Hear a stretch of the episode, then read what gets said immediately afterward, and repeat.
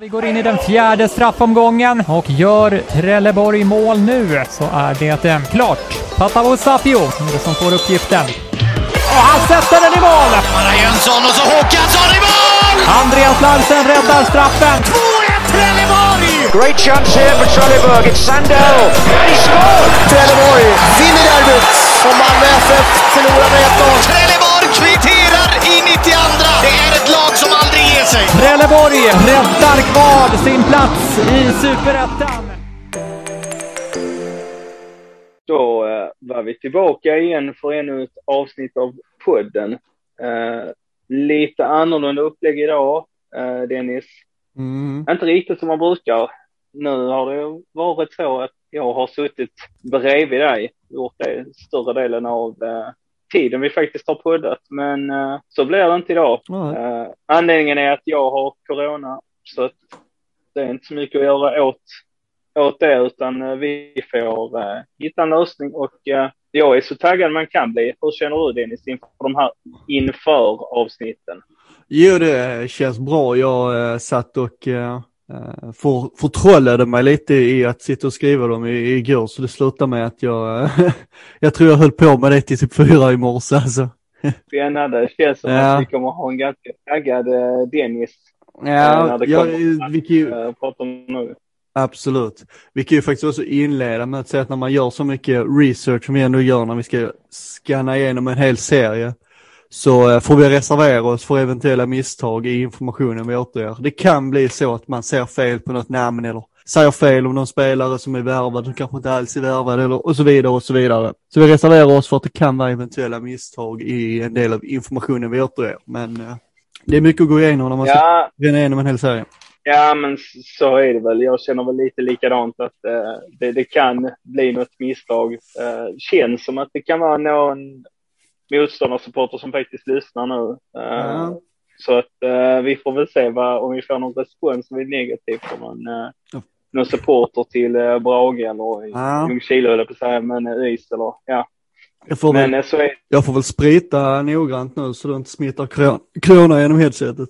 ja, precis. Hur många dagar ger du det innan du hamnar på intensivvården? Nej, vi får väl hoppas att det inte, att det inte går så långt. Men jag Nej. kan väl vara ärlig och säga att eh, det är väl ingen heltaggad Sebastian som sitter idag. Han eh, sitter här med filt och, Nej, och täcke och mår väl inte så jättebra, men eh, det är bara att köra. Jag Mm. tänker att vi kanske ska gå igenom upplägget av eh, inför superettan-avsnitten detta år. Eh, Mm. Tanken är väl eh, i tre delar att vi kommer släppa. Mm. Eh, lite annat upplägg i år. Eh, har, kommer ha några gäster med. Eh, jag tänker att vi faktiskt eh, börjar rätt så starkt. Eh, tänker att vi kanske ska ge en lite så här introduktion av gästen som kommer vara med i den första delen. Eh, en man som eh, har haft mycket åsikter, haft järnkoll på TFF, tidigare jobbat för Trelleborgs Allehanda och haft en rätt så framgångsrik blogg om småklubbsfotbollen här i närområdet i Trelleborg.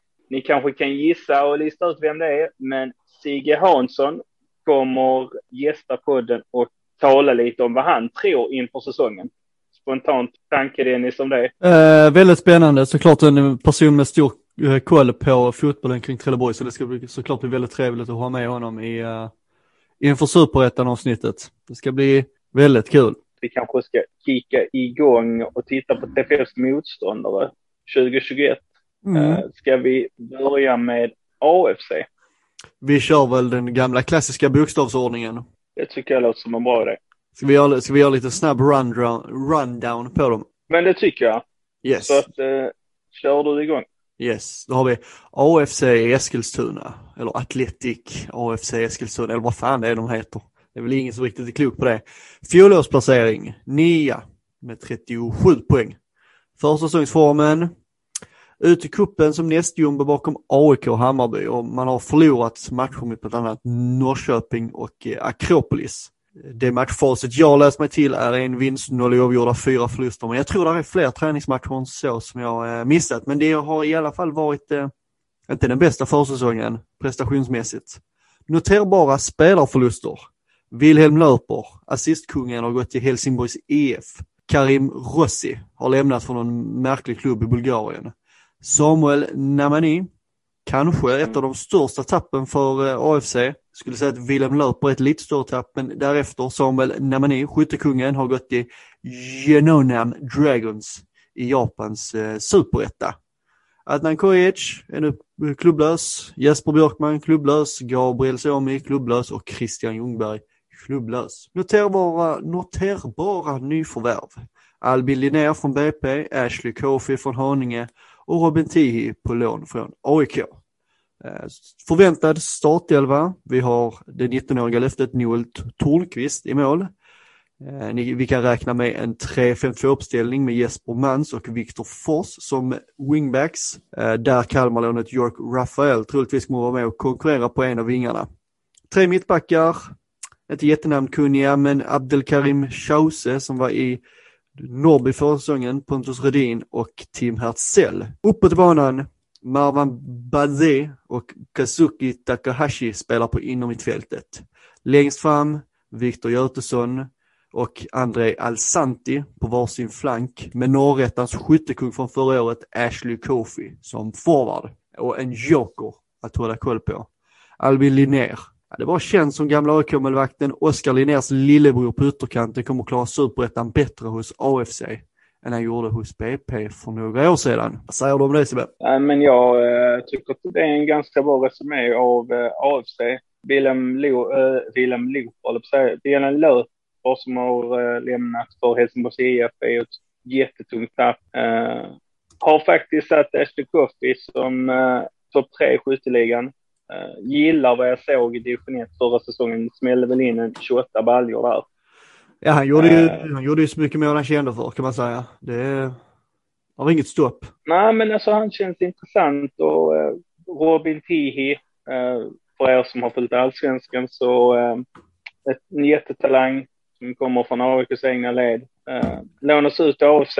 De fick väl pröjsa 200 000 på en säsong. Det är väl en rimlig kostnad. Uh, när Milosevic blev klar så var det väl inte riktigt plats för honom i, i dagsläget. Och Men uh, det känns väl intressant. Skulle jag nog flagga för, uh, som jag var inne på, Ashley Coffey.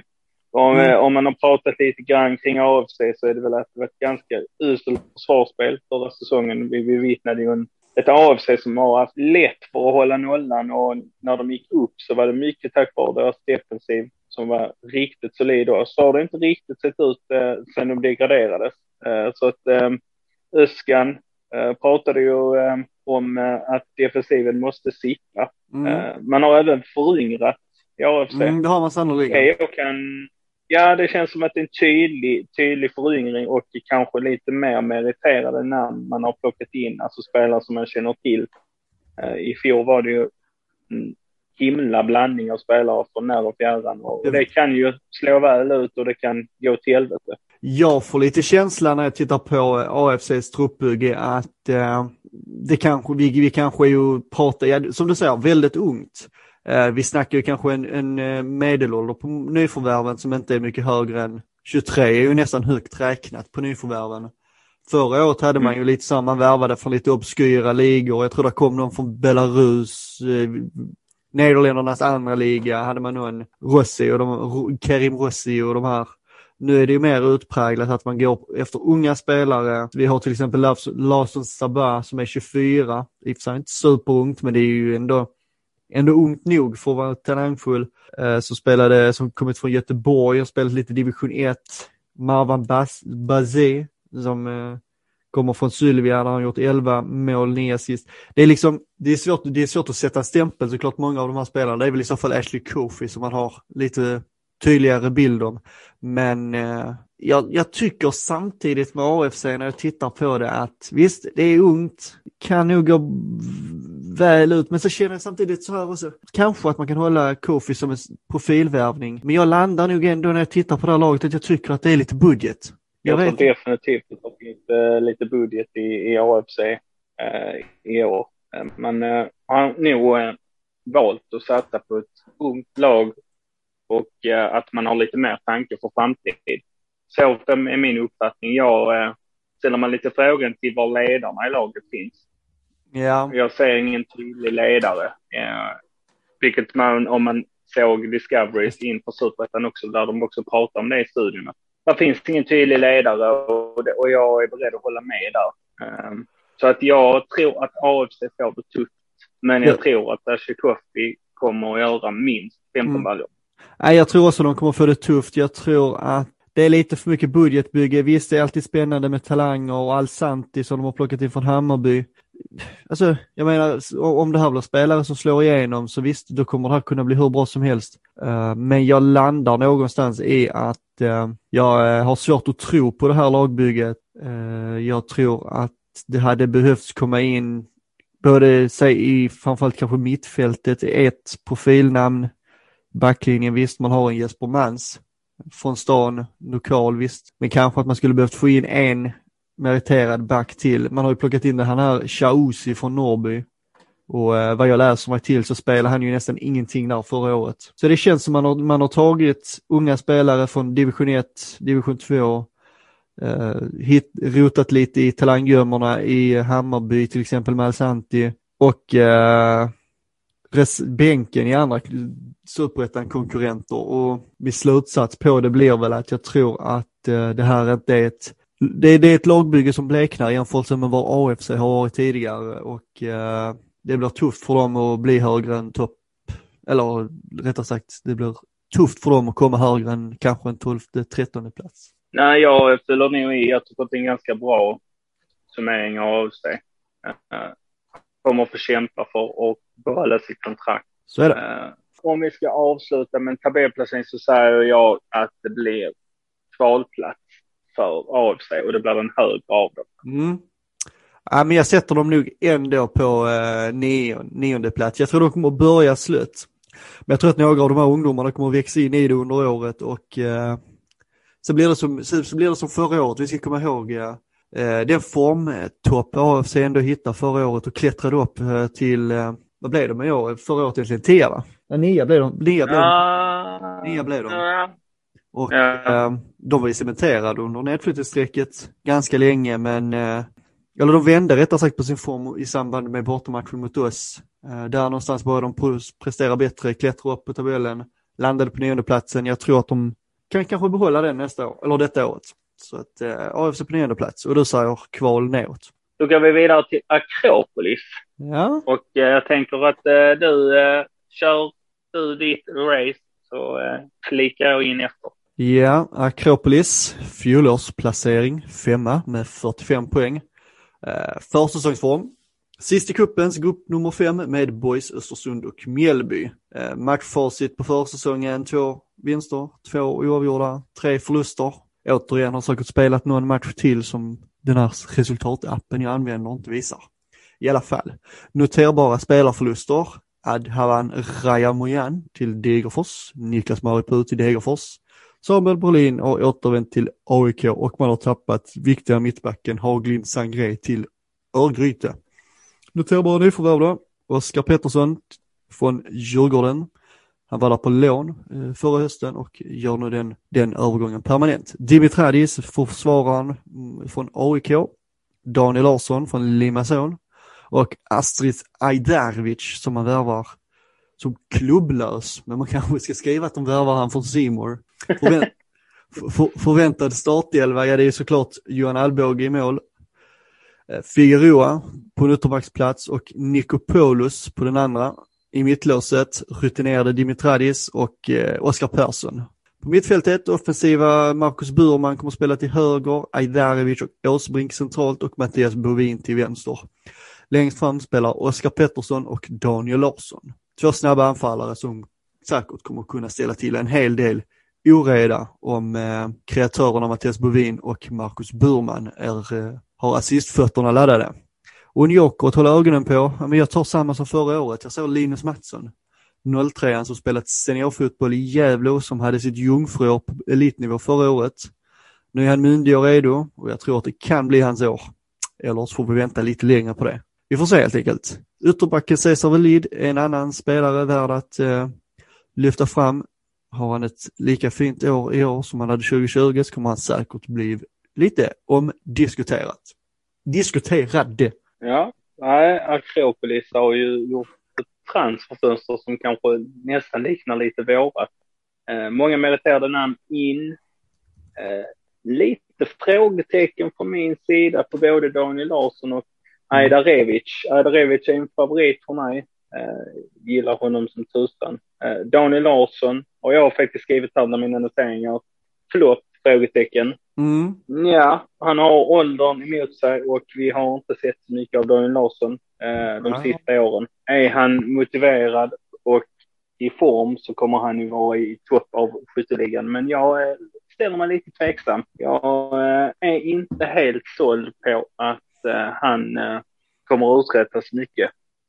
Eh, men jag kan få fel, men Akropolis ser otroligt intressant ut med Bovin och eh, vad Burman. heter den andra? Bur- Burman, va? Burman. Otroligt intressant och framlutat eh, offensivt lag. Gillar ju Åsbrink också sedan tiden i Brommapojkarna. Mm. Uh, nej, Ja, det är klart. väl liksom, jag, sen kom ju eh, ett nyförvärv in sent som jag tycker är, trots sin ålder, är eh, en oerhört bra värvning sett till att han är en skön figur och en ja, klassmålvakt som han fortfarande är motiverad. Det är John Alvbåge. Han Mm. eh, kommer reda många poäng till Akropolis om han eh, fortfarande håller.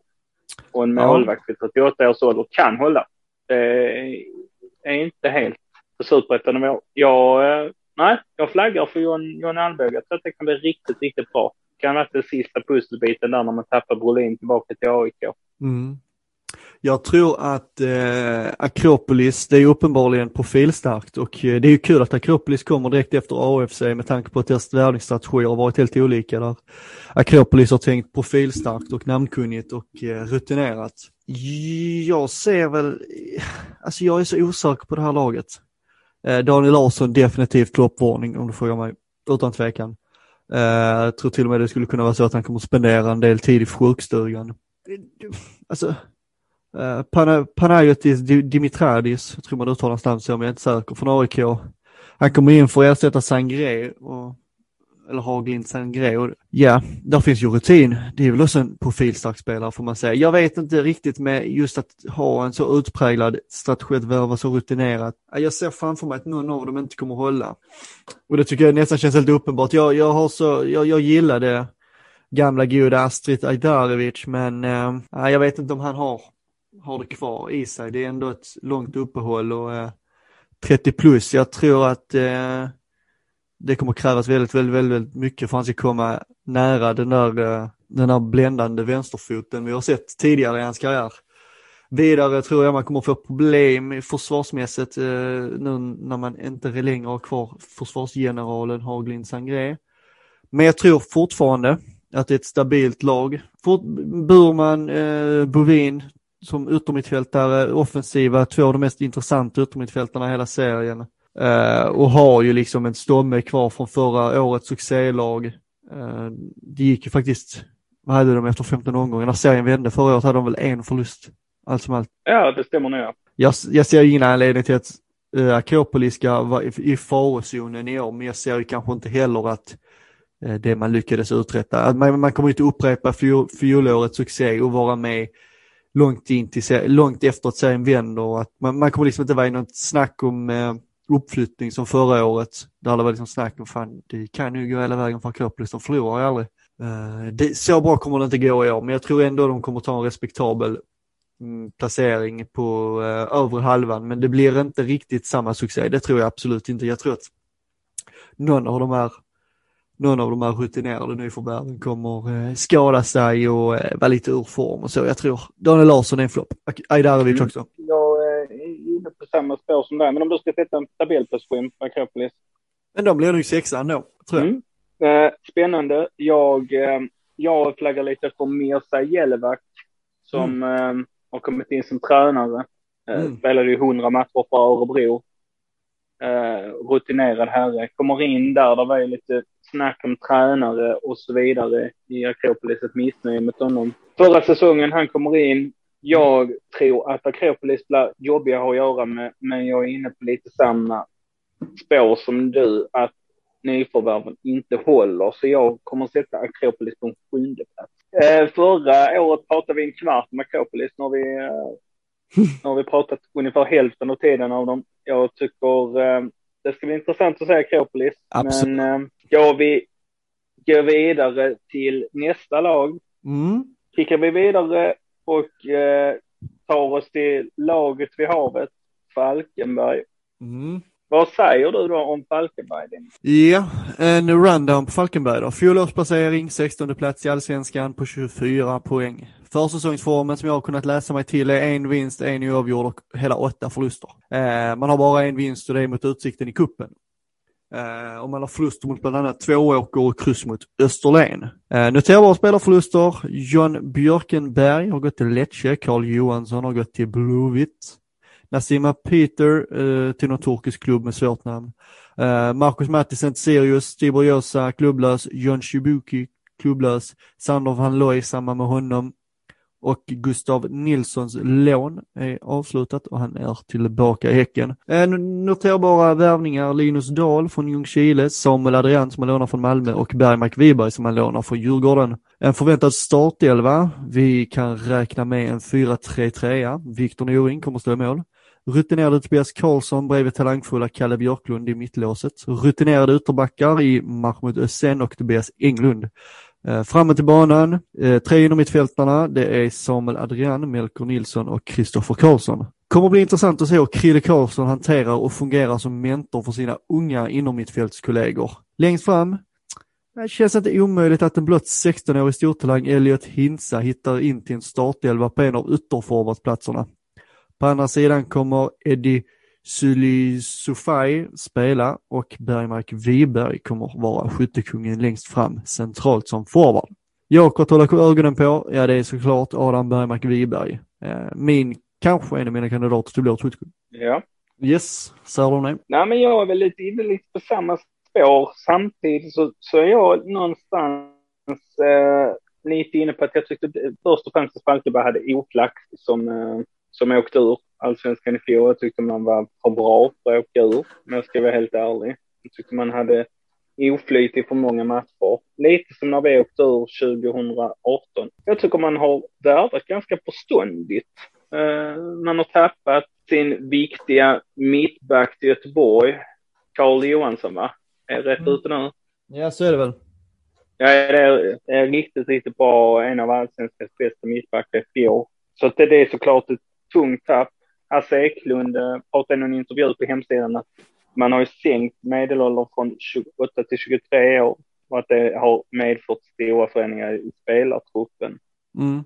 Uh, nej, men du är väl inne, ja, som du är inne på, Adam Bergmark Wiberg. Det är nog denna säsongen det är lite make it or break it för honom. Mm. Uh, tycker det har varit lite för löst uh, i målprotokollet för honom. Lite, lite mål. Uh, trodde han skulle göra mer mål i ÖIS än vad han gjorde. Kom igång efter en jättetrög start. Nätade bland annat på oss vet jag, uppe i Göteborg. Men uh, är det någon spelare jag kanske skulle så här, peka ut, en spelare jag blev förtjust i, så är det Linus Dahl från Ljungskile. Mm. Jag tror han kommer uh, blomma ut ännu mer i ett bättre lag. Uh, Har vi honom på till, Ja, precis. Mathisen tappar man ju till uh, Sirius mm. och han var väl lite navet förra säsongen. Uh, en spelare som har en ljus framtid framför sig. Så det är ju ett otroligt tungt tapp, inte ett väntat tapp skulle jag säga. Mm. Uh, men jag tror någonstans att Falkenberg, ja, man har ett mål att gå upp, men jag tror inte det är hela världen om man inte gör det. Uh, jag tror inte det är en katastrof om man skulle bli 8-10 jag tror inte riktigt kraven är lika höga som exempelvis här i Trelleborg, men mm. att man ska etablera sig som ett topplag direkt när man har åkt ur. Jag, jag, jag får ändå den känslan i Falkenberg att ja, nej, det gör inte lika mycket. Uh, så att jag tror inte kravbilden är lika stor där som den kanske är andra allsvenska klubbar som har åkt ur, um, åkt ur allsvenskan och så här. Så att, um, ja, flopp lite tusan. Jag håller inte dem som ett topplag, men jag håller dem ganska högt för att jag tror att det är många lag som kommer underskatta dem bara för att det är Falkenberg. Mm. Glömma bort att man faktiskt har, har ganska många allsvenska spelare i truppen. Viktor Norin kommer rädda många poäng. Superettans bästa målvakt i mitt tycke. Tillsammans med kanske Alvbåge och Fredrik Andersson i ÖIS.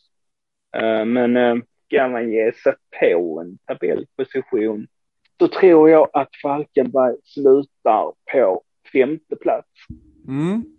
Ja, jag är väl lite personligen så här att jag, när jag tittar på deras lag så tycker jag att det är fin rutin i många spelare. Vi har liksom en eh, Mahmoud Hussein som har varit med länge. Jag tror Tobias Englund är väl gammal Värnamo-spelare, har varit med i Superettan länge. Tobias Karlsson, eh, 30 plus liksom, varit med i elitfotbollen länge. Anton Wede såklart.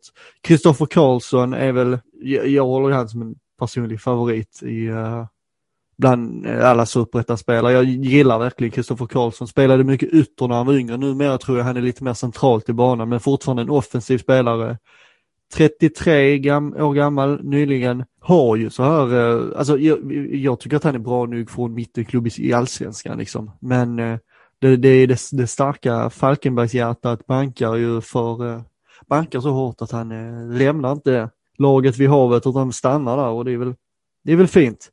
Jag kan väl ställa mig lite frågande till, eh, jag tycker kanske man har lånat på sig, alltså, lån är inte riktigt min, min melodi, jag, jag är väldigt skeptisk till det. Alltså, Nasima Peter ut, Johan Chibuki, van Looy, Mattisen eh, och så liksom in, ja, två lån från Malmö, Samuel Adrian och eh, Linus Bergström. Man har lånat från Hammarby, Bergmark Wiberg. Det är liksom fyra spelare in på lån från storklubbar i allsvenskan, det är ju såklart att de här klubbarna väntar sig att det här, de här ska spela.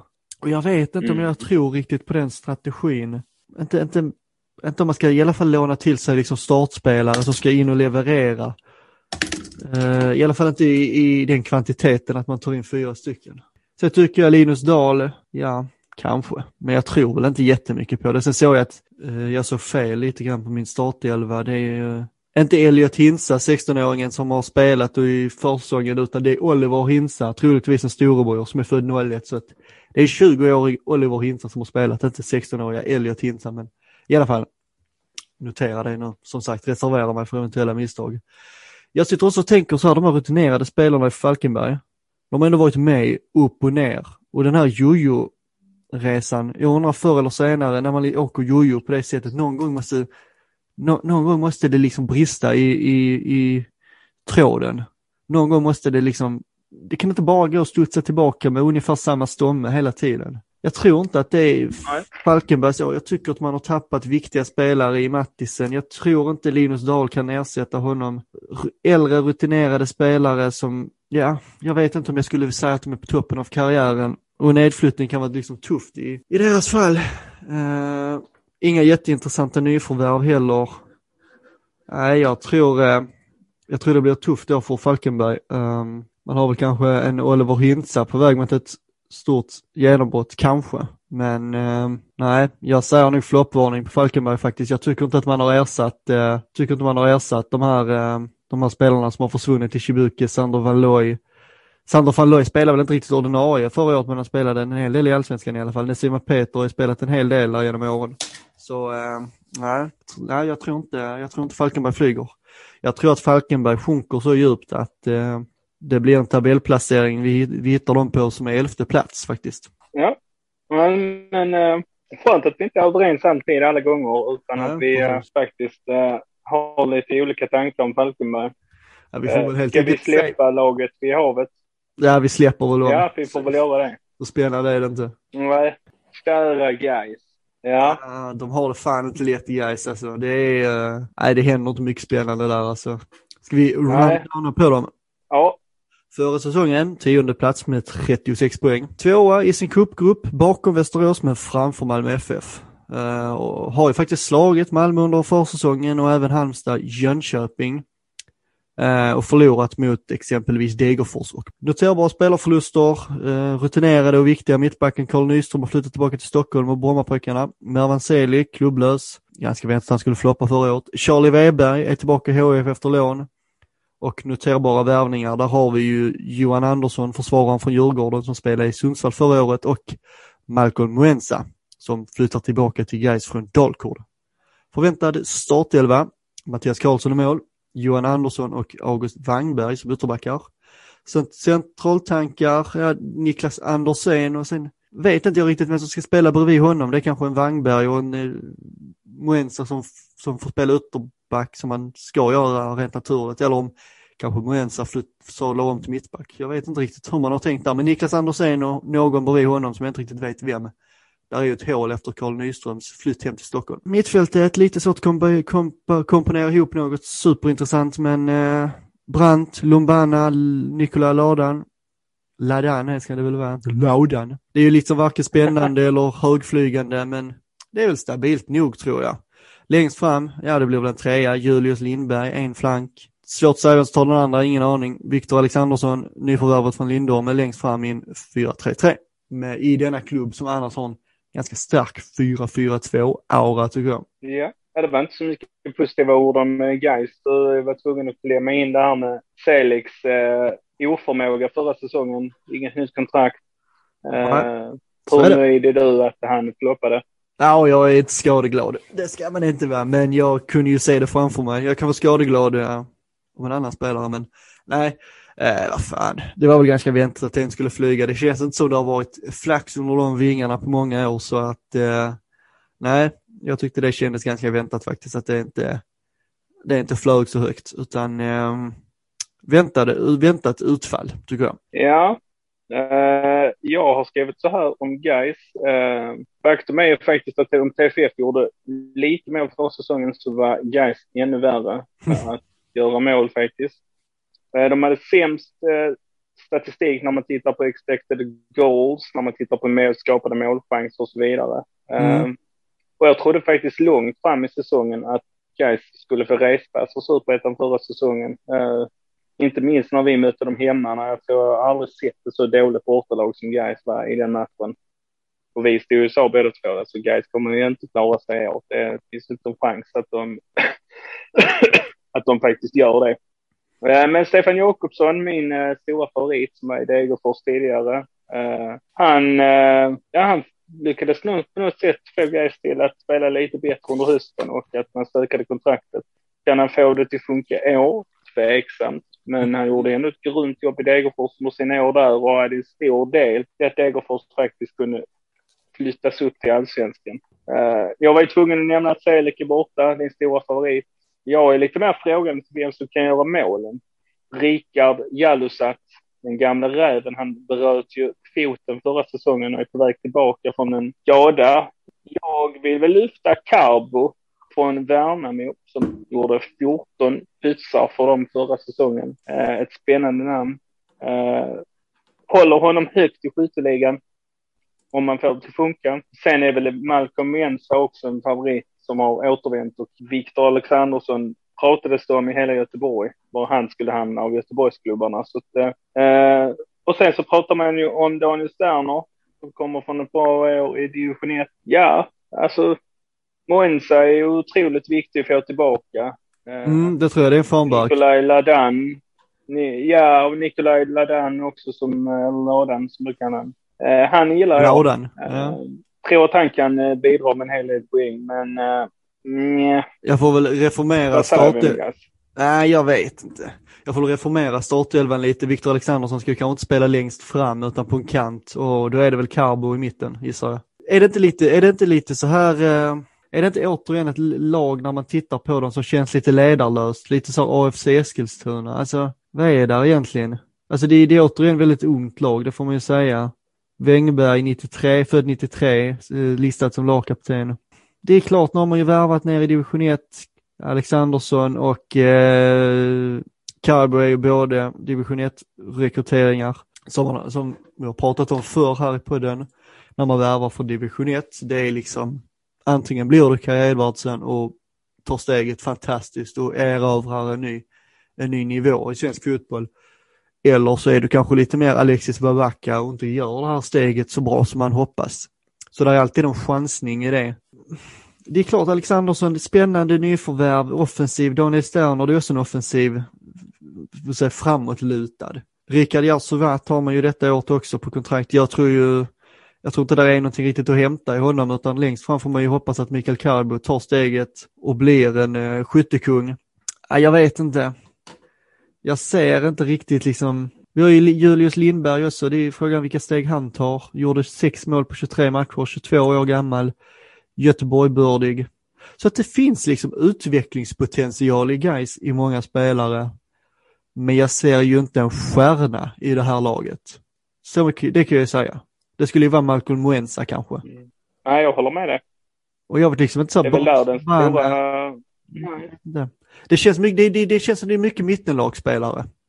Jesper Brandt så är nu för övrigt utlånad så han kommer inte spela där nästa år utan han är utlånad till Utsikten tror jag det var. Men jag, jag ser inte en stjärna, jag ser inte, jag ser inte de här spelarna som eh, vittrar om topplaceringar utan jag ser talang, jag ser mittenlagsspelare som Ladan och kanske även Wängberg, jag är inte riktigt helt säker på honom. Eh, samtidigt som det är utvecklingspotential i offensiva spelare som Alexandersson, Sterner, Lindeberg och Kaibo.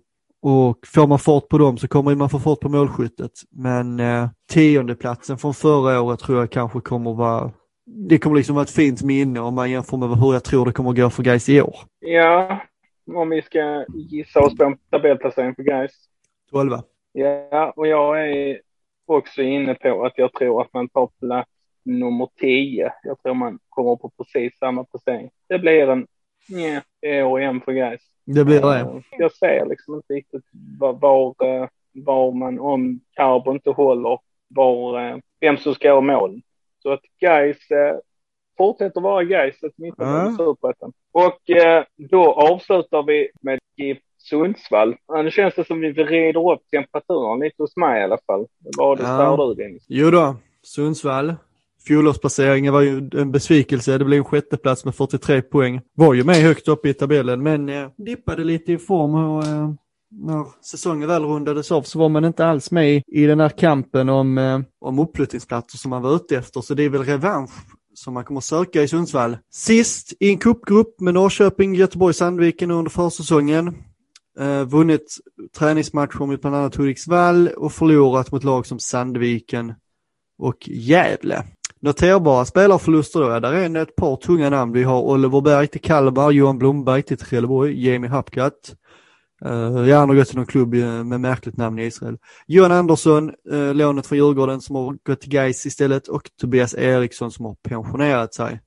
Noterbara nyförvärv är det klart som man hajar till vid Linus Alenius som flyttat hem till Sundsvall från Norrköping.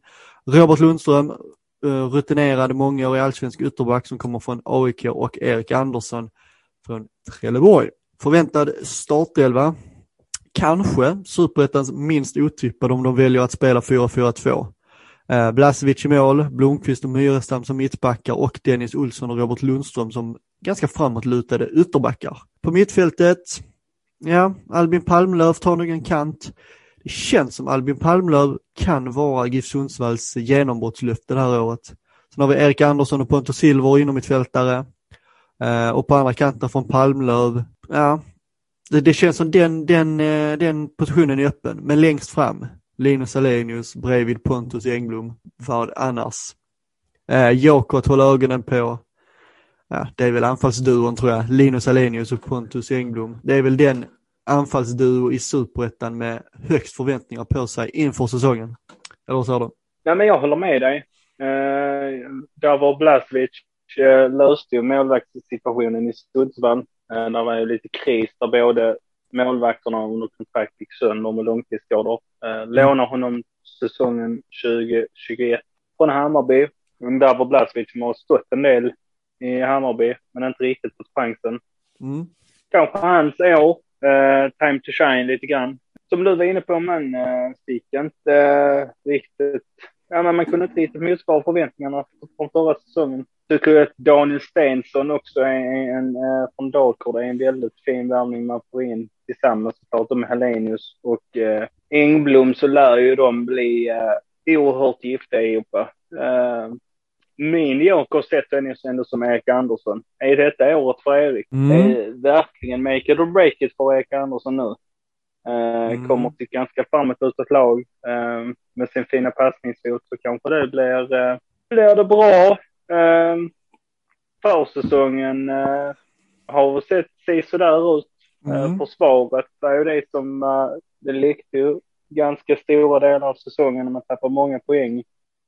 Där man ledde matcher framför allt. Och där pratar man ju inför säsongen att man måste täppa till där bak. Mm. Jag ställer mig lite frågande till, kan man ha två skyttekungar längst framme? Ja, det kan man ju, men den ene kommer ju göra betydligt fler mål än den andra. Mm. Det är inte så att de kommer dela på eh, lika många antal mål. Vem blir det som floppar? Jag sätter ett flopptecken på Linus Wallenius. Jag tror att hans sprinttid är slut. Jag är faktiskt helt enig med dig. Jag ifrågasätter också vem som ska ersätta Johan Blomberg i det här laget. Uh, jag ser väl kanske ingen riktigt naturlig ersättare här. Johan Blomberg gjorde mycket poäng för dem förra året. Man har ju en Albin Palmlöv som, uh, han är liksom ett sånt här, han är liksom lite löfte, lite på gång, men liksom, där, där har liksom aldrig varit en riktig break. Vi får väl se om han kan blomma ut eh, Eh, och ta någon kreatörsroll. I övrigt så ser jag väl inte riktigt i det här Sundsvallslaget vem som ska ta över för Blomberg, för Erik Andersson kommer ju inte göra det.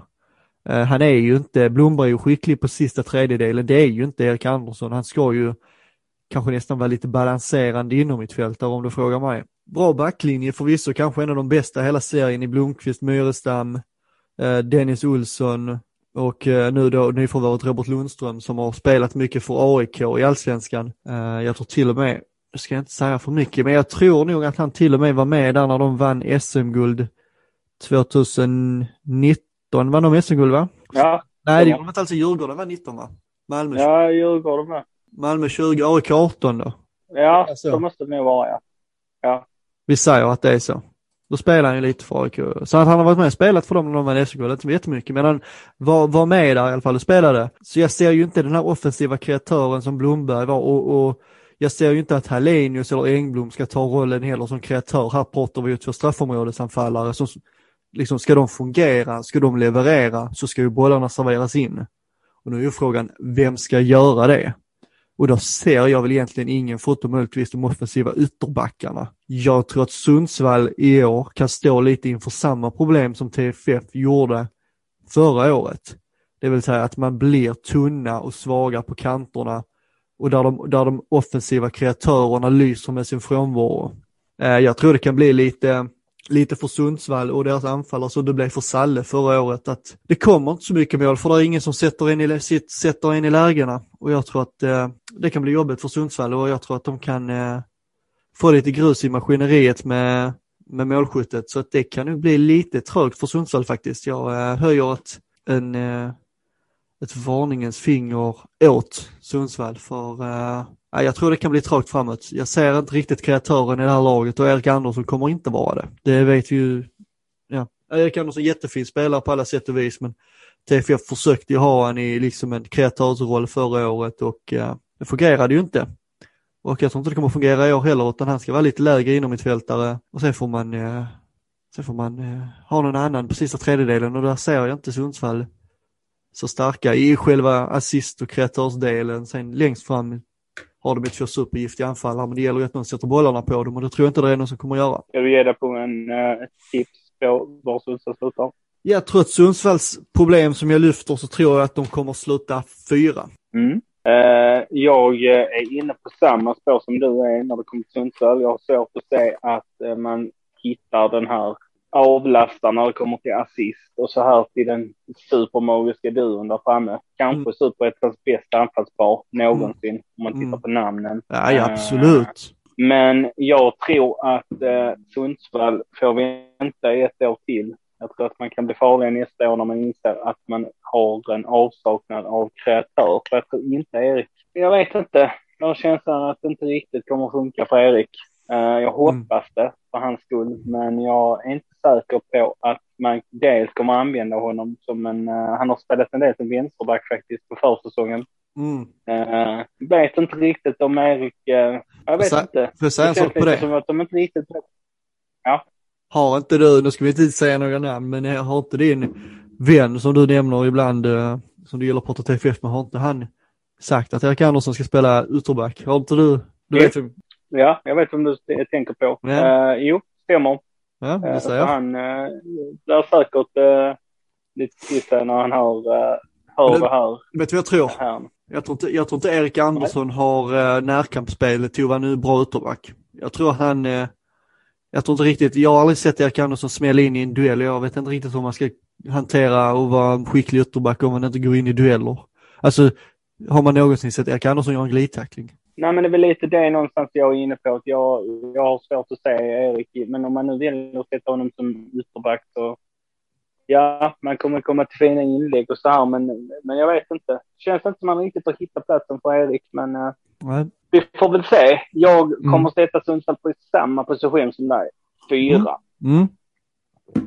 Jajamän.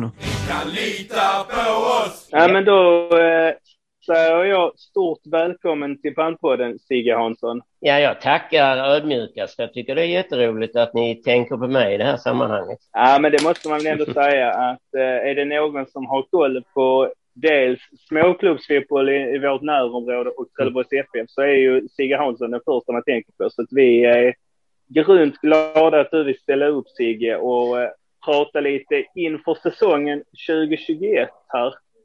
Ja. Eh, ja, men vi kan väl först och främst börja och prata lite grann. Hur nära följer du TFF nu för tiden, Sigge? För det första tackar jag dig för eh, ditt fina omdöme om mig. Ja, jag gillar ju lokal fotboll och där ingår ju även TFF såklart. I allra högsta grad, även om jag är en småklubbsfreak. Eh, Jo, jag säger så här alltså eh, när ni frågar hur jag följer TFF. Ja, så nära det bara går i tider som dessa. Jag ser ju mm. matcher på tv när det är möjligt och jag följer ju eh, er och jag följer ju bloggar överhuvudtaget. TFFs egen hemsida klart och eh, följer med nyheter så gott det går. Sen har jag ska, eh, skaffat mig och skapat en, en stor vänkrets som, som är, är väldigt eh, eh, vänliga mot mig och, och hör av sig när de tycker att jag bör ha lite nyheter och så. Så att, eh, ja, jag känner mig väldigt involverad i, i Trelleborgsfotbollen i stort. Ja, men det är, det är kul att höra och, och jag som är lite äldre än dig Dennis har ju, har ju följt ditt arbete under många år förr framför allt och jag eh, kan säga att du, du är en sån människa som har stenkoll. Och om vi tittar lite grann tillbaka i backspegeln på de två föregångna mm. säsongerna. Dels det året med Peter Svärd och förra säsongen med Christian Heinz som huvudtränare. Mm. Vad tycker du TFF har misslyckats med de här två säsongerna som har varit? Ja, jag har tänkt till eh, lite grann här såklart och då skrev jag så här i, mina, eh, i min minnes, minneslista här att eh, ja, de här två senaste säsongerna vill vi väl egentligen glömma bort så mycket det går. Det var ju också väldigt nära att TFF tvingats lämna den verkliga elitfotbollen i Sverige eh, och det var ju bedrövelsens bedrövelse i höstas. Eh, mm. Och gud vad man gladdes när, när de hade då lyckan att klara sig kvar via straffarna där. Men om vi går lite ytterligare tillbaka. Ja, jag tycker först och främst inte. För det första har jag inget otalt med, med människor i, i de här sammanhangen. Men jag vet inte, på något sätt så Peter Svärd, det blev, det blev inte TFF av det hela tycker jag. Eh, han är ju en otroligt vänlig och, och ödmjuk person och, och duktig i sin ledarstil garanterat och han har ju haft framgångar på olika plan. Men jag vet inte, det var nästan på från början som jag kände att Peter Svärd och TFF, det blev inte bra. Mm. Sen om vi då går till Christian och kompani där, ja herregud, de har ju verkligen gjort vad de har kunnat. Eh, och jag tycker, eh, jag, tycker, jag tycker också det är rätt bra för att eh, de har sluppit eh, det mesta av skället i alla fall när det gick som, som tokigast. Och det är ju inte ledarna alltid som har, eh, även om de har ledaransvaret så är det ju faktiskt en hel trupp som inte som inte fungerade riktigt. Det kan vi vara överens om, tycker jag. Mm. Absolut. Eh, och jag tycker också faktiskt, och det kan jag väl eh, då eh, inte lägga på de här ledarna, men, men i sammanhanget så, så var det mycket som blev eh, plottrigt i fjol. Alltså jag tänker Christian Köhler tycker jag var en fantastiskt duktig mittfältare och André Reinholdsen vet ni om att jag alltid har förordat. Men på mm. något sätt alltså, det blev fel och så, och så satt de på bänken eller utanför och, och, och de som var på planen, de var banne inte ett dugg bättre än dem. Men det, det blev så plottrigt och det blev liksom ingenting av det tycker jag. Jag håller med. Uh, och Köhler tycker jag ju, jag tycker det är högst märkligt hur... Uh, ja, för han var ju så... Jag håller med dig. Jag, jag, jag, tycker bara det är väldigt konstigt att han blev så petad helt plötsligt. För, det, ja, för mig kom det också från ingenstans nästan. Precis, jag håller så med dig. Alltså jag, jag tyckte och bönade och bad på för, för honom och, och, han bara satt där på sin bänk och, och, och gjorde vad han skulle egentligen. Men, men det blev plottrigt och jag tycker inte man utnyttjade truppen fullt ut i med det jag tycker som jag tycker. Mm, håller med. Vi pratade lite grann om att samma spelare fick förtroende, till, alltså fick omutligt mm. förtroende ja. trots svaga insatser. Ja, jag håller med dig till fullo. Och jag, sen blev jag förvånad ibland när man, när man bytte killar som, som, eh, som var livsviktiga för TFF att ha på banan, även om de kanske inte under en halvtimmes tid var så bra. Alltså. Men ibland blev jag helt förtvivlad när man bytte ut Herman Hallberg, liksom, när han behövdes av, mest av alla. Helt enig med dig. Ja. När det kommer till Herman Hallberg så var han kanske den mest bärande spelaren framför allt under, ja. under första delen av säsongen. Sen var det väl lite skador och sånt här som, ja, som höll honom borta. Men, ähm, men jag är helt med dig. Ja, jag tycker som sagt var, sen är det ju svårt att, att, vara tränarteam när, när allting börjar gå snett och man byter hit och dit och till slut vet man ju varken ut eller in. Det, så att, eh, det var ju ingen lätt, det var ingen lätt sits för, för Christian och kompani heller, va? Men, men det blev väldigt plottrigt. Mm. Det blir väl otacksamt också kan jag tänka mig där på sommaren. Det ser inte så bra ut och man vet att man behöver mm. förstärkning. Precis. Jag kan ju tänka mm. tillbaka på Carl, Carl Björk-värvningen och liksom så här, vad, vad, skulle vi mm. den för liksom. Men å andra sidan, med det läget TFF var i, här, man kanske inte kunde få in något annat mer etablerat. Nej, precis. Ingen som var så sugen på Nej, men du rätt där. Då, då.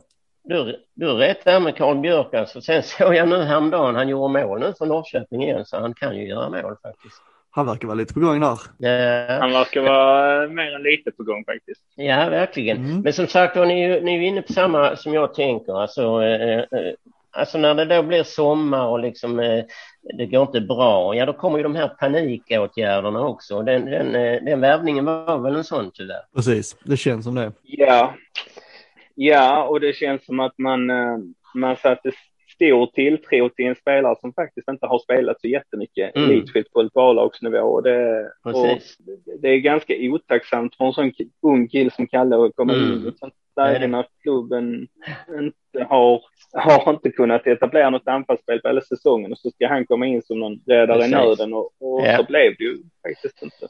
Nej, det blev det inte. Men eh, nej, som sagt var, alltså, det var ju, det var ju himla tur att, att det gick vägen ut till sist. Alltså. Så, och just eh, det visar ju också att de har ju verkligen börjat om från början nu, men det tar vi senare. Ja, om vi tittar lite grann på spelarna som har lämnat och mm. de som har kommit in.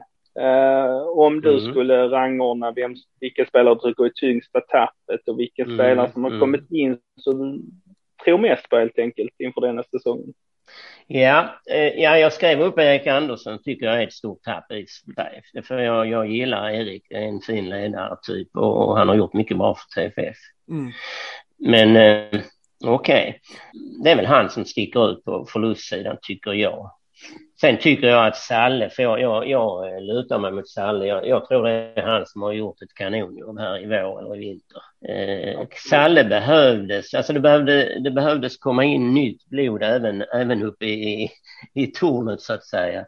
Eh, alltså i, i, i ledningen utanför planen och utanför eh, för eh, Christer, eh, Christian och kompani så behövdes det detta som Salle har bidragit med, alltså att man börjar liksom att eh, titta på vad har vi och, och i form av möjligheter, och vad behöver vi? Och, och, ingen kan väl säga annat än de värvningar eh, som är fixade här, det är ju helt fantastiskt. Alltså, jag har skrivit så här, jag tror nog allra mest på Johan Blomberg och faktiskt Dennis Kosica. Mm. Men alltså titta på Modig, Amin, Petrovic, Offia. Alla är ju riktigt duktiga och hela sextetten, ja de kommer att lyfta TFF till helt nya höjder, är jag helt säker på. Mm. Och det ja, man får väl säga att eh, Salif Kamarajönsons första transferfönster eh, är väl, är, är mer än godkänt åtminstone. Mm fantastiska värvningar tycker jag alltså. Jag kan, Och målvakten är väl inte fel i heller, eh, den danska unge killen. Det, det, det är väl också en bra värvning i sig nu när de behöver en målvakt tycker jag. Ja men det, det känns som att få in en lovande målvakt med Hampus. Eh, det ja, precis. tror jag mycket på. Hampus eh, mm. behöver någon som flåsar i nacken och konkurrerar. Ja, Helt rätt. Eh, Helt rätt. jag, jag tycker också så här, och det har vi varit inne på tidigare, men jag tycker så, redan när vi startade den här podden och vi gjorde vårt första Mm. avsnitt där vi pratade upp Superettan förra året så sa, pratade Mm. vi så här, det ser lite tunt ut på uh, yttermittfältspositionerna. Att så här, Mm. man, det kändes som vi hade liksom bara Mattias Håkansson som en naturlig ytter. Och nu, Ja, faktiskt. nu när det kommit in Blomberg, Petrovic, Kuska Mm. som också ska spela på kant, Offia som har spelat kant. Mm. Det känns som man har gjort sin, sin läxa på vad som inte funkar förra året. Ja, verkligen. Förra Ja. året. Fått in rätt, eh, rätt spelare på de positionerna. Ja. Petrovic, eh, den här halvtimmen han gjorde mot Hammarby i ju, Mm. alltså han var ju var över, ja, fantastiskt bra. Jättebra. jag tyckte han sken starkare än alla andra på plan. under de- Ja, faktiskt. Men sen tror jag Johan Blomberg kommer att bidra oerhört mycket. Det är en riktigt duktig kille faktiskt. Definitivt, mycket rutin också, sånt är alltid, Ja. sånt ska man inte, sånt ska man inte underskatta. Även om man Nej, ska man inte göra. spelat så mycket i Allsvenskan, spelat för storklubbar, Precis. vet precis var ribban ska ligga för att det ska bli en bra säsong. Ja. Så att, Proffsig så in i bomben i sammanhanget. Så att, eh, ja, Johan är en klippa att ha. ja, jag tror Ja, det, det, jag eh, är enig faktiskt där angående Johan Blomberg. Jag tror att Mm. rutinen som han har, eh, Mm. Den kommer att bli otroligt viktig. För det handlar mycket om rutin i Superettan med en tajt serie. Så är det. Så eh, behöver han gå i bräschen. Eh, om vi tittar på försäsongen och eh, Mm. insatsen i Svenska cupen. Ja. Om den. Ja, vad, jo, jag noterade följande. Alltså försäsongen har ju varit helt grym. Alla lagdelarna har i princip redan suttit där faktiskt. Mm. Tänk att man pressade Hammarby så ända in i det sista och hade inte 1-2 kommit så tidigt i förlängningen, mina vänner, då tror jag att TFF hade fixat det. För mm, Hammarby var trött. mhm. Så att det var lite olyckligt. Ja. Ja, Så det var att det. eh, jag tycker försäsongen har varit helt grym. Alltså de insatserna i Svenska cupen. Och samtidigt visar ju detta hur viktigt det är att klara av förspelet i Svenska cupens gruppspel. Det måste de göra varje år. Där har de ett kanonupplägg innan serien. Absolut, jag är helt inne på det just med Svenska cupen där innan, innan seriespelet tror jag är Ja. oerhört nyttigt att få och gör man då framförallt bra ifrån sig som man har gjort nu så, Mm. så eh, går man in med en god känsla Ja, inför precis. seriespelet. Och liksom det har ju fungerat eh, eh, hela vägen. De har ju knappt släppt in några mål för en Hammarby-match. Det har ju varit eh, stabilt rakt igenom och alla lagdelarna har ju som sagt fungerat. Faktiskt. Ja, och Simon Amin Ja. som kommit in och tillfört någonting Mm. väldigt intressant på innermittfältet. Mycket. Jag tänker att eh, vi har, där är gubbar som Niklas Westerlund som bara kommer att bli bättre också. Mm. Um, Precis. Harris för den delen i, i den kategorin. Ja, jag skulle, mm, jag, jag tänkte nämna honom sen, men du har helt rätt. Eh, Alltså den eh, utvecklingen Harris har gått igenom, den är ju fantastisk. Ja, och en kille från stan och så här. Det är, det är precis sådana såna Ja. spelare man vill se komma fram i Precis. klubben. Uh, lo lokalt, uh, alltså det, det, det känns uh, jäkla bra. Ja, verkligen. Och det gläder mig att de tog in Tillberg nu också ju. Mm. Det blev det till slut ja. Jätteskoj tycker jag Ja, härligt. Han är väl också trelleborgare? Ja, Ja. Han, har, han har ju gått hela vägen, så det är roligt att de får chansen. Mm. Jag håller det med dig. Jag tyckte om eh, det Noah sa också. Att det var Mm. en självklarhet Ja, att stanna i. TFF och eh, kärleken till klubben och stan och så. Och det är otroligt viktigt att förankra Ja, spelare som är på absolut. Ja. TFF har ju haft en liten tradition Mm. får man väl ändå säga, som, som vitt jag minns att floppa lite grann när man är topptippat. För att om man tittar på inför Superettan som gick på eh, Discovery där man snackade upp Superettan så tippas ju TFF väldigt högt i år. ja. Eh, vad krävs för att man ska lyckas?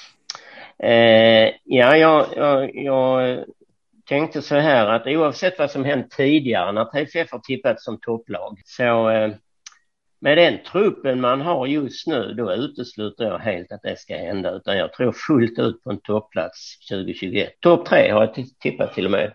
Kul att höra. Med Kul truppen och höra. Jag- försäsongen så tycker jag det är fullt rimligt. Uh, Mm.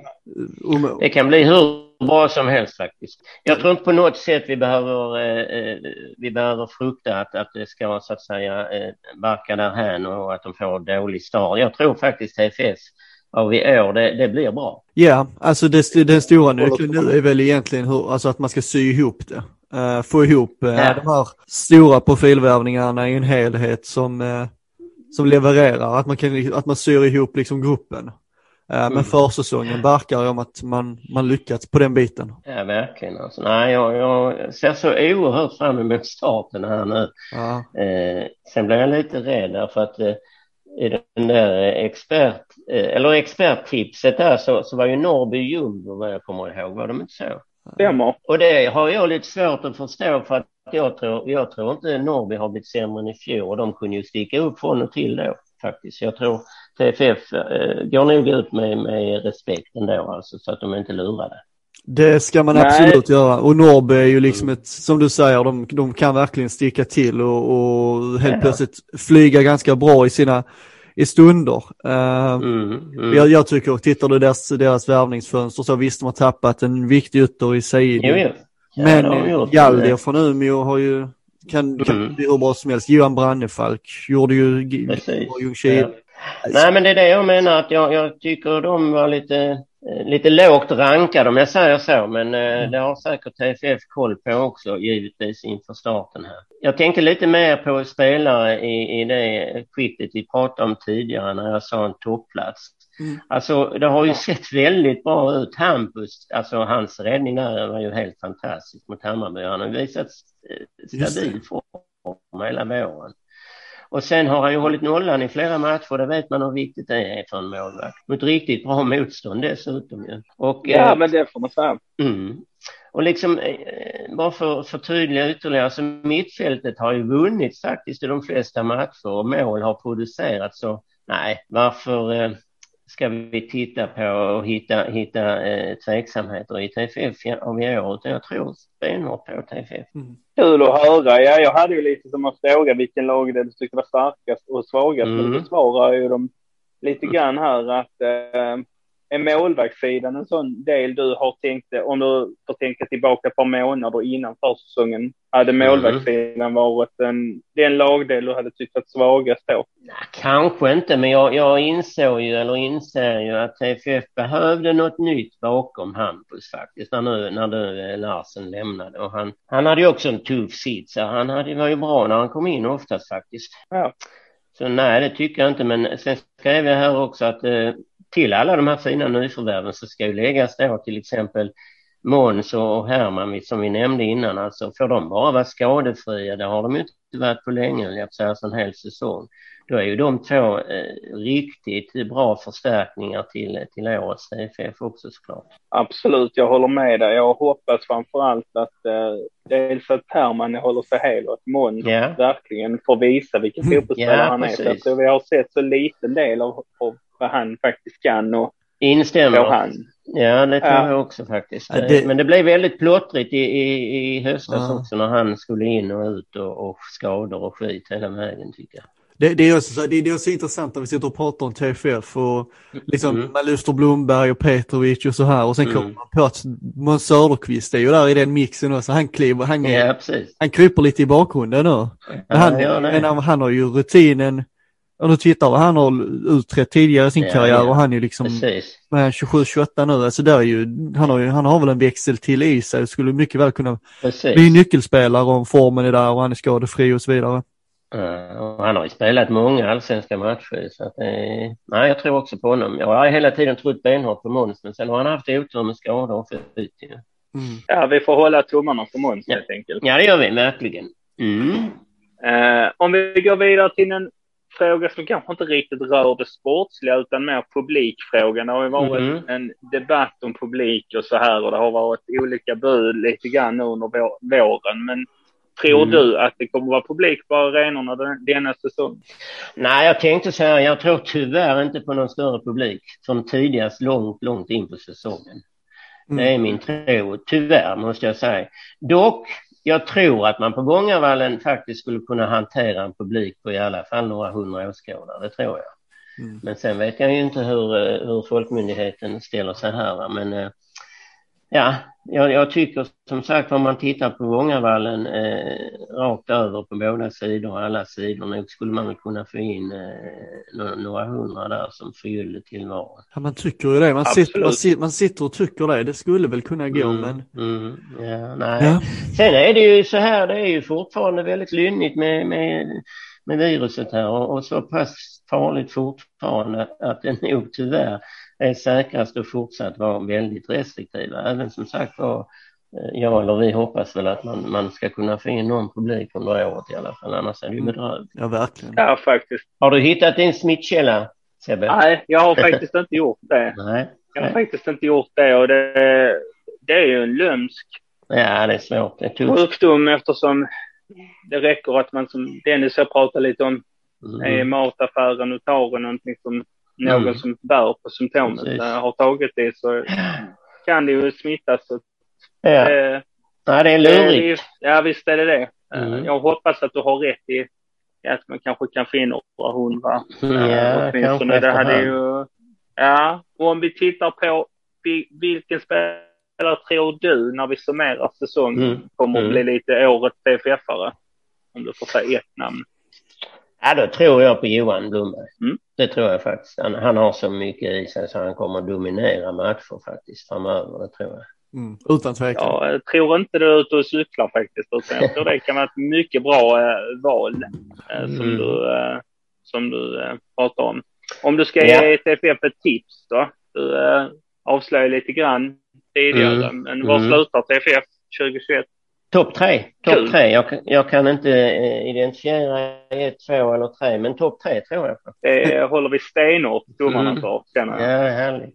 Kalmar har ju kvalat sig kvar i Ja, Allsvenskan ett par år i rad nu så det är väl kanske Ja. vi som ska upp där och knocka ut dem till slut. ja, det tycker jag faktiskt. Jo, jag tror på topp tre för TFF.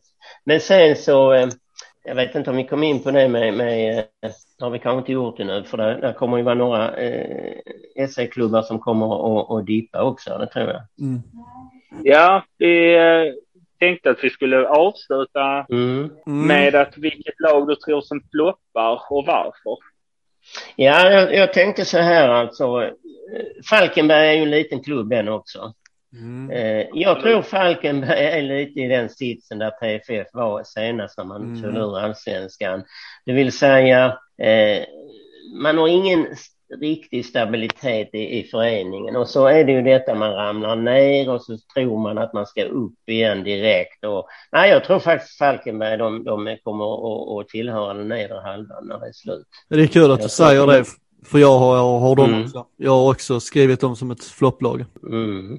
Sen så eh, har ju även HIF ramlat ur och HIF har ju sina problem. Men där Mm. tror jag ändå där är så mycket tradition och rutin så att man kommer ändå få till det och, och i alla fall hamna någonstans eh, kanske över mitten. Så. Jag tror inte HIF hamnar i någon krissituation neråt, det tror jag inte alls. Nej, HIF eh, är stora också så att liksom eh, Mm. fa- jag tror att det, det, är nog, det är nog knappt möjligt. Alltså om Falkenberg faller djupt liksom i en formdipp så är det väldigt Mm, långt ner i precis. tabellen. Men jag, jag ser inte att ett stort Ja. fall för HIF är liksom längre Nej, jag tror inte jag heller. i ändå, vilket hade varit katastrof såklart. Men Ja. Men jag tror inte, jag tror inte HIF räcker till, till eh, någon eh, uppflyttning ändå. Men jag tror de, Nej, jag de, heller. de, är ändå, de är ändå så pass stabila så de har en grund att stå på liksom. ja, precis. Jag tror... Nej, jag skulle precis säga det att eh, Helsingborg, förlåt Mm. att, att HF, de kommer inte floppa i någon stor mening, men jag tror inte att de går upp. Nej, det tror inte jag heller faktiskt. Men eh, de har ändå så mycket så att jag, nej, de, de kommer inte att, att, att tillhöra den nedre regionen ändå tror jag. Falkenberg Jag för vet. mig är nog, eh, jag Mm. skulle nog säga 11 på dem alltså. Ja, alltså jag tror de får en tuff säsong. Mm. Men om vi tittar uppåt då grabbar, vad Ja. vi där då?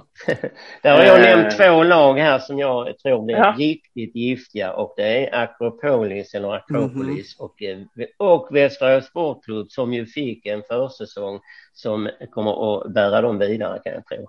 Mm. Ja, Helt jag enig. eh, håller med dig. Jag har båda lagen högst upp i mitt tips. Mm. De tror jag på och, och så har vi TFF också så det kan ju mycket väl bli de tre där uppe.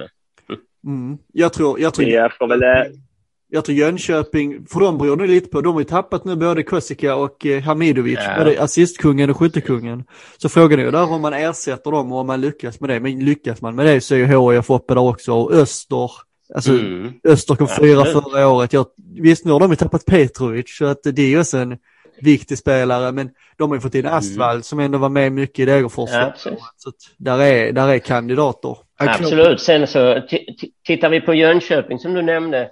Ja, där är ju förmodligen också en, en stor besvikelse efter fjolåret så att det kan ju också sätta spår. Mm. Så det är inte alls säkert att Jönköping eh, eh, faller in i traditionen att tillhöra den absoluta toppen i år. Det är jag inte säker på faktiskt. Nej, jag håller med. Det kan bli tunga tapp för dem också. Mm. Intressant överhuvudtaget. Vi satt faktiskt och pratade, jag och min svärson här som är djurgårdare förresten. eh, han, de bor i Stockholm. Men i alla fall, eh, eh, då sa vi så här att både allsvenskan och superettan verkar på något sätt bättre än på länge. Alltså det, det är Mm. go i båda serierna och det, det är härligt inför seriestarten. Ja, Verkligen. det får man säga. Det känns som att det är en intressant superetta och allsvenska upplaga i år med många Ja, nya nyförvärv som säkert kan bjuda på fin fotboll. Utanför protokollet tror jag inte att MFF är helt säkra som guldlag i år. Alltså det kommer att bli jämnt där uppe tror jag. Ja, det kommer det. Definitivt. Stockholmslagen bygger ju upp ekonomin. Mm. Ja, precis. De Ja. kortar ner det avståndet till Malmö. Ja, faktiskt. Men intressant som sagt var eh, Ja. att, att, att eh, serierna kommer igång i alla fall. Ja, definitivt. Mm. Det har man sett fram emot. Trots en ganska kort försäsong så, eh, så eh, ska det bli oerhört kul att, eh, att det sparkar igång nu på söndag. Ja, det blir härligt. Verkligen. Kul att Sigge, prata med ska grabbar. ja men detsamma och du ska ha stort tack för att du ville vara med. Ja, jag ställer såklart upp på er som, som är på hugget här med TFF och så. Så att vi, får, vi får hjälpas åt. Ja, det är Ja, så absolut. är det. Så är det. Man ser efter egna. jättekul. Ja, absolut. Men jättekul att, att vara med. Att ni tänkte på mig. Kul. Ja, men absolut. Superkul att du ville vara med också. Ja. Grabbar, jag hoppas att eh, det kommer igång så vi kan ses ute på arenorna igen ju. Absolut. Får Sigge. verkligen hoppas det. Det hade varit otroligt kul. Man eh, saknar det nu. Ja. Klampa runt Och ni på den hälsar alla jag känner som, som ni träffar då och då ju. Nej, men det ska jag göra. Mm. Och som sagt var, vi håller tummarna för ett fint fotbollsår. Ja, men det gör vi. Okej. Ha Är det vi nöj- du. Tack ska ni ha. Ha det gott själva. Ja, men då tycker jag väl att då rundar vi väl av del ett av inför Superettan. Eh, Det har varit eh, riktigt, riktigt kul att prata upp serien och vi har ju en hel del lag som är intressanta. Alla Skånelagen är kvar och vi har några outsiders som eh, Mm. säkert kommer med och slåss i toppen. Så att hoppas ni har tyckt att det här har varit nice. Så får ni gärna lyssna på del två där vi har en ny gäst med i podden också.